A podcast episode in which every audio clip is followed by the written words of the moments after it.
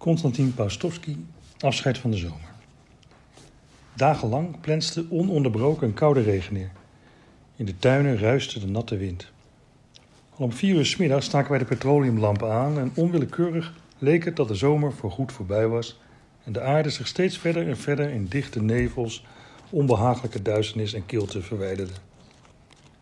Het was eind november, de treurigste tijd op het platteland.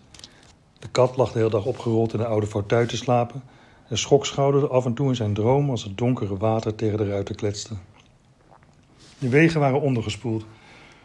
Over de rivier joeg gelig schuim voort dat aan opgeklopt eiwit deed denken. De laatste vogels hadden zich onder de nokbalk van de huizen verscholen. En al meer dan een week kwam niemand ons opzoeken. Nog opa Mitri, nog Vanja Maljavin, nog de houtvester. Het fijnst waren de avonden. We maakten dan de kachels aan. Het vuur loeide, de purperen weerschijn danste op de balkenwanden en op de oude gravuren met het portret van de schilder Groeioff. Hij zat achterovergeleund in de fauteuil naar ons te kijken. Hij leek net als wij zijn opengeslagen boek opzij te hebben gelegd, over het gelezene na te denken en naar het zoemen van de regen op het planken dak te luisteren. De lampen brandden helder en de gehavende koperen samovar zong in één stuk door zijn eenvoudig lied. Zodra hij de kamer werd binnengedragen, werd het er meteen gezellig. Misschien wel doordat dan de ramen besloegen en de eenzame berkentak die dag en nacht tegen het venster klopte, niet langer zichtbaar was. Na de thee gingen we bij de kachel zitten, lezen. Op zulke avonden was het prettigst van al zo'n heel lange en ontroerende roman van Charles Dickens te lezen, of in de zware banden met oude jaargangen van het literair tijdschrift Niva en het geïllustreerde weekblad over vreemde landen te bladeren. S'nachts jankte Foentik, de kleine roodbruine tekkel, vaak in zijn slaap. Dan moesten we opstaan en hem met een warme wollen lap toedekken. Foentik bedankte slaapdronken, likte voorzichtig je hand, zuchtte en sliep weer in. Buiten rumoerde de duisternis met regenvlagen en windstoten en je huiverde bij de gedachte dat er misschien wel iemand ergens in de stikdonkere bossen in deze drijfnatte nacht was blijven steken. Op een nacht werd ik met een vreemd gevoel wakker. Het was net alsof ik tijdens mijn slaap doof was geworden. Ik lag met gesloten ogen een tijd lang ingespannen te luisteren en begreep tenslotte dat ik niet doof was geworden, maar dat er buiten alleen een ongewone stilte heerste. Zo'n stilte noemt men doods. De regen was weggestorven, de wind was weggestorven, het rusteloze ruisen van de tuin was weggestorven. Het enige wat ik hoorde was het zachte snurken van de kat. Ik opende mijn ogen.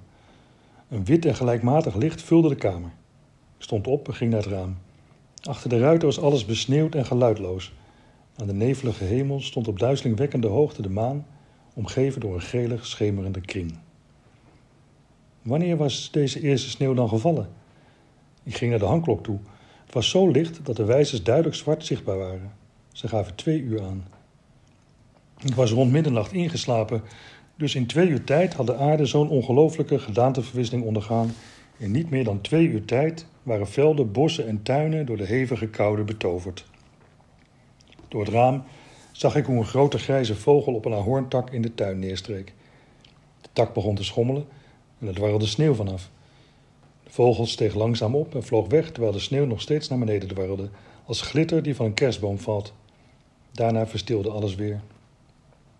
Roefin was wakker geworden. Hij keek een hele poos door het raam naar buiten, zuchtte en zei: De eerste sneeuw kleedt de aarde heel mooi aan. De aarde had iets feestelijks en deed denken aan een verlegen bruid. De volgende ochtend knisterde en knerpte alles rondom. De opgevroren wegen, de bladeren op het bordes, de zwarte brandnetelstengels die boven de sneeuw uitstaken.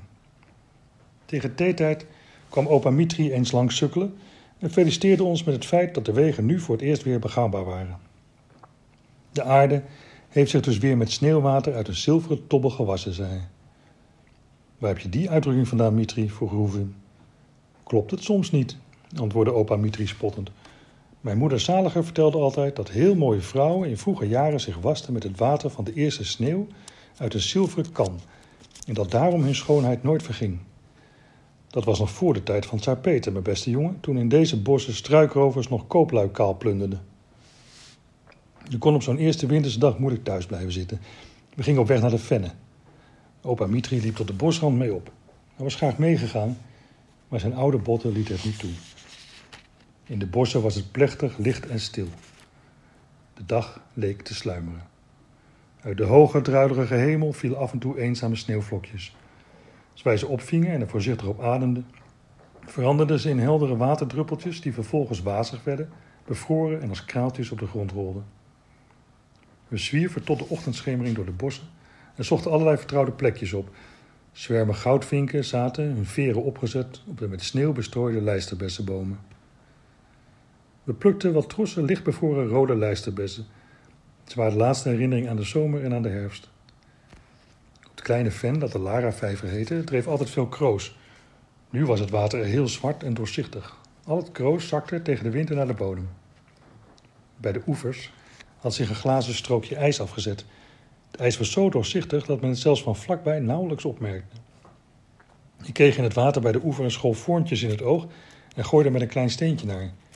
Die viel met een peng op het ijs.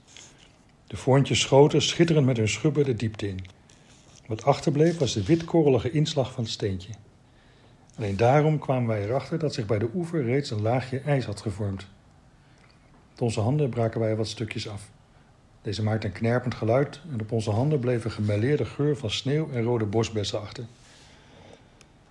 Hier en daar fladderden vogels klagelijk piepend over de plekken in het bos. De hemel boven ons hoofd was heel licht, wit, terwijl hij naar de horizon toe steeds meer volliep en zijn kleur aan lood deed denken. Van die kant kwamen trage sneeuwwolken aanzetten.